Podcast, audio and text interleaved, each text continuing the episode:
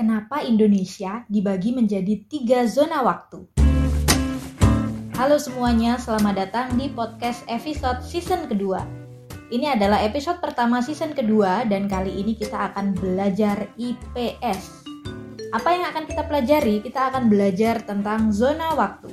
Bukan zona nyaman, bukan zona merah walaupun sekarang masih pandemi, dan juga bukan friend zone dari kecil tuh kita diajarin kalau Indonesia itu dibagi menjadi tiga bagian zona waktu, yaitu ada bagian barat, bagian tengah, dan bagian timur.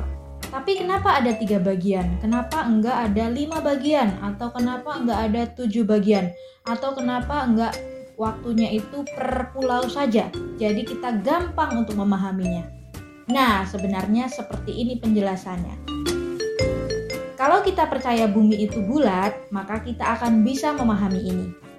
Yang namanya bulat berarti ada 360 derajat. Nah, Indonesia itu terletak di 95 derajat sampai 141 derajat bujur timur, di mana panjang wilayahnya ada 44 derajat. Bumi berotasi itu lamanya 24 jam atau kita menyebutnya sehari Nah, 300 Nah, 360 derajat itu kan ditempuh dalam waktu 24 jam. Berarti setiap satu jam itu yang berhasil ditempuh sebanyak 15 derajat. Seperti yang sudah dibilang tadi bahwa Indonesia itu panjang wilayahnya 44 derajat.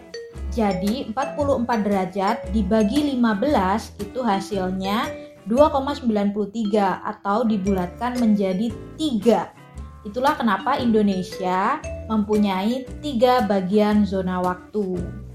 Jadi seperti itu ceritanya kenapa Indonesia dibagi menjadi tiga zona waktu.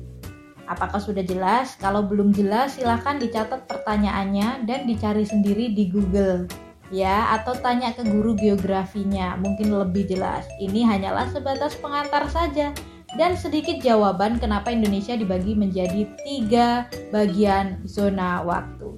Terima kasih sudah mendengarkan podcast ini. Sampai jumpa di episode selanjutnya. Bye bye.